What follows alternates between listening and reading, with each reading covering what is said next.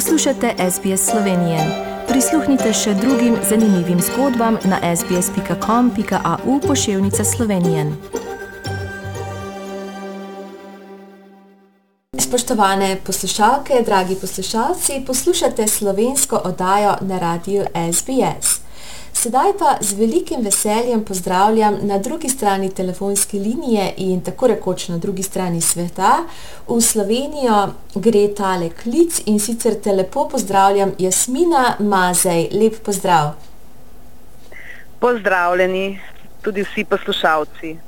No, Jasmina, mi dve sva se že slišali pred nekaj časa in sva se pogovarjali o tvojem delu kot učiteljica slovenščine na uh, sedaj učiš na osnovni šoli Domžale oziroma na podružnici Ihan, učiš slovenščino, ampak danes ne bova ravno govorili o tem, uh, uh, točno, da poučuješ, pa kaj poučuješ, ampak uh, je vse v zvezi s COVID-om nekako se to začelo, kaj ti spremljamo te na socialnih omrežjih in te je ta situacija v naši preljubi državi Sloveniji in seveda situacija v šolstvu tako zelo uh, ganila, razburila kot ta prava učiteljica, da si nisi mogla kaj, da ne bi napisala objave, ki so potem sledile na Pop TV in sedaj tudi pišeš za za časopis Večer. Tako da vse čestitke in povej nam, kaj, pri, kaj te je pripeljalo do tega.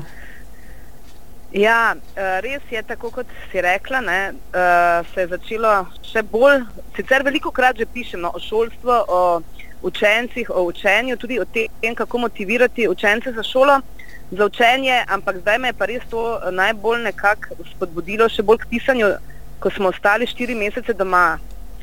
In je bilo to res kar predolga doba no, za nas, učitelje, starše in učence.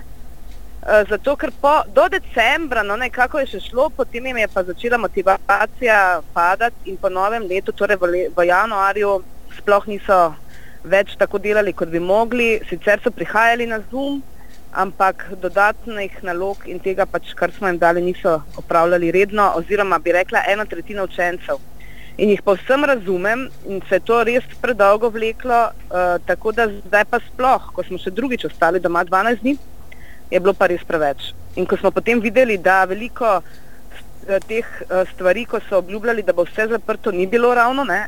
in smo se spraševali, zakaj pa moramo mi biti doma, učenci, ki so komaj prišli v šolo, so bili v šoli mesec pa pol in spet si ovo na novo doma, takrat sem pa začela s tem še bolj. Uh, to me je potem še najbolj spodbudilo. No.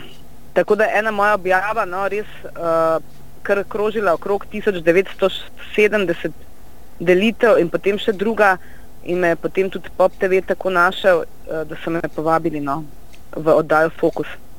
En kratek razgovor smo imeli pred našo šolo.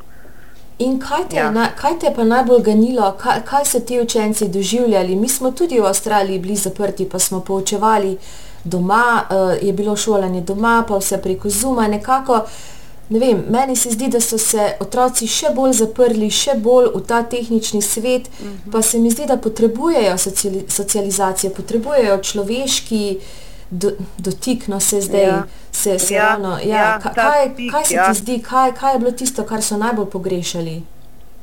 Ja, naj, najbolj pogrešali so. No, na začetku se mi je še nekako zdelo, ker jaz sem jim dala potem tudi napisati, da napiše svoje razmišljanja o tem od lanskega leta, marca do zdaj.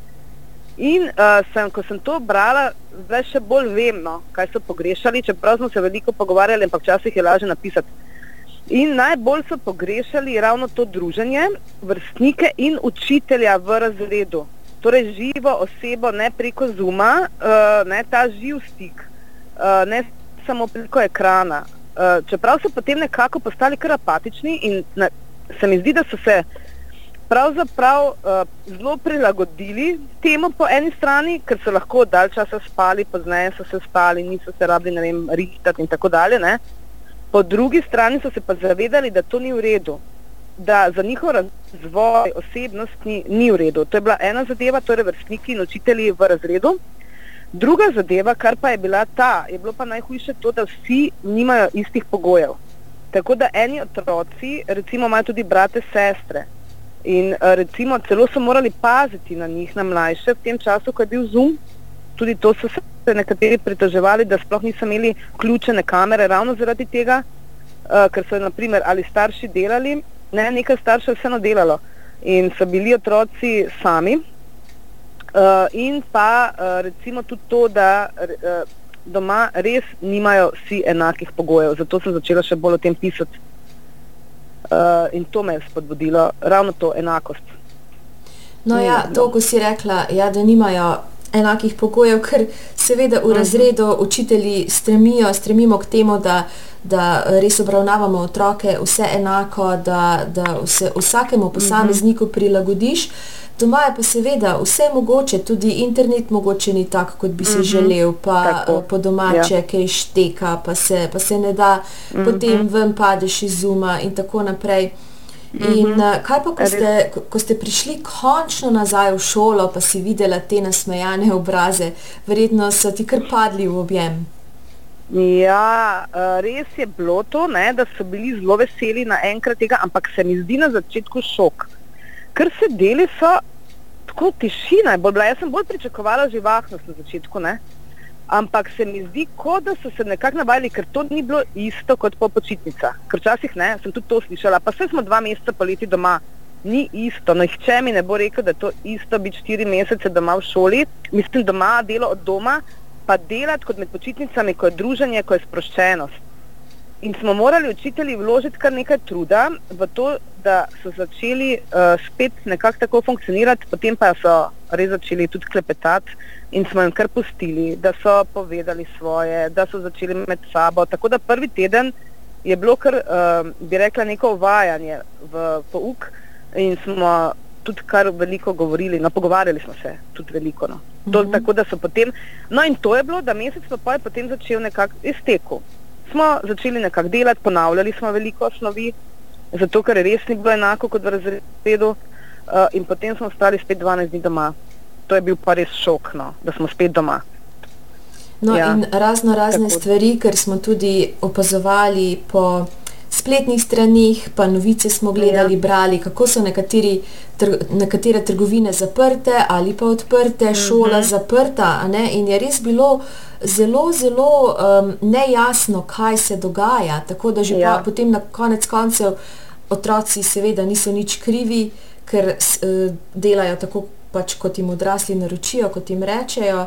Uh, o čem boš ja. ti pisala, oziroma o čem pišeš za časopis? Zdaj, uh, boš... drugače, uh mhm. -huh.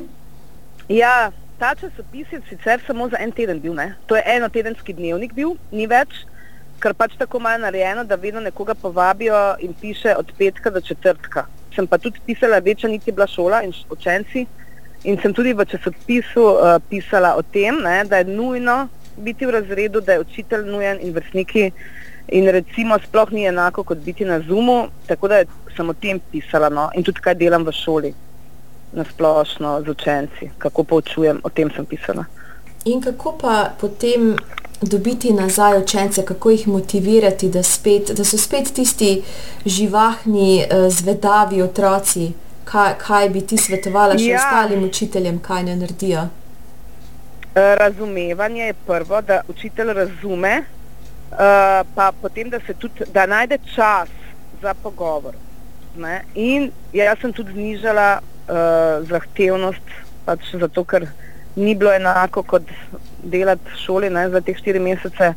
Tako da recimo to razumevanje, pa malo znižati kriterij, pa mogoče manj vseeno dela dodatnega, prilagoditi jim snov, mogoče kaj spustiti, Ne, pač ni vse tako, kot bi morali narediti poučen načrt, vse smo zmanjšali in ocene in snov. To. In če je potrebno tudi za individualni razgovor, vse učitelj začuti, kdo rabi, pa mogoče kdaj povabiti učenca tudi v kabinet, pa se kaj z njim pogovoriti. Včasih se nekateri nočejo izpostavljati, pa je vse v redu, ne? ampak v resnici pa ni, vse učitelj vidi. Uh, tako da motivirati jih na nek način, tako da pač jaz se z njimi res ogromno pogovarjam.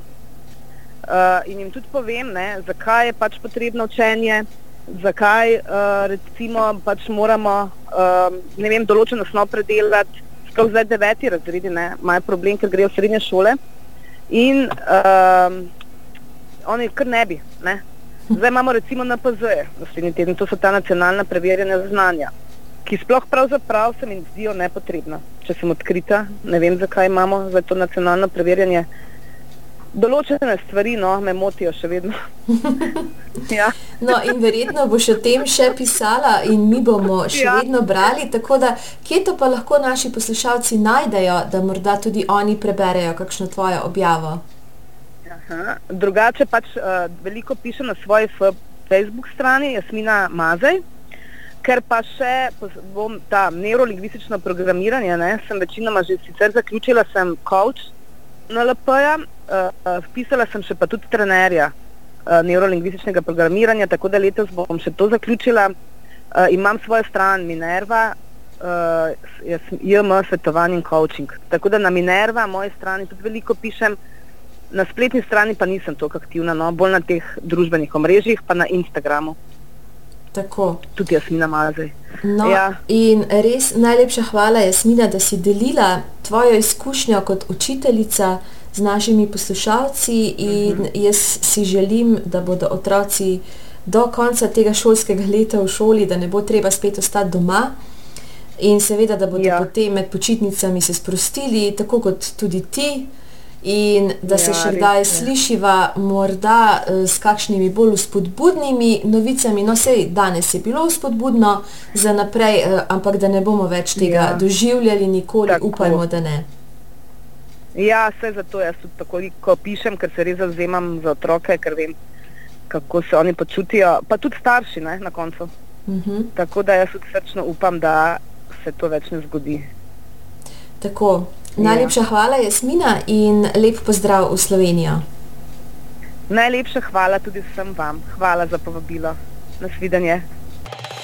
Želite slišati sorodne zgodbe? Prisluhnite jim preko Apple ali Google podcasta, preko aplikacije Spotify ali kjerkoli drugje.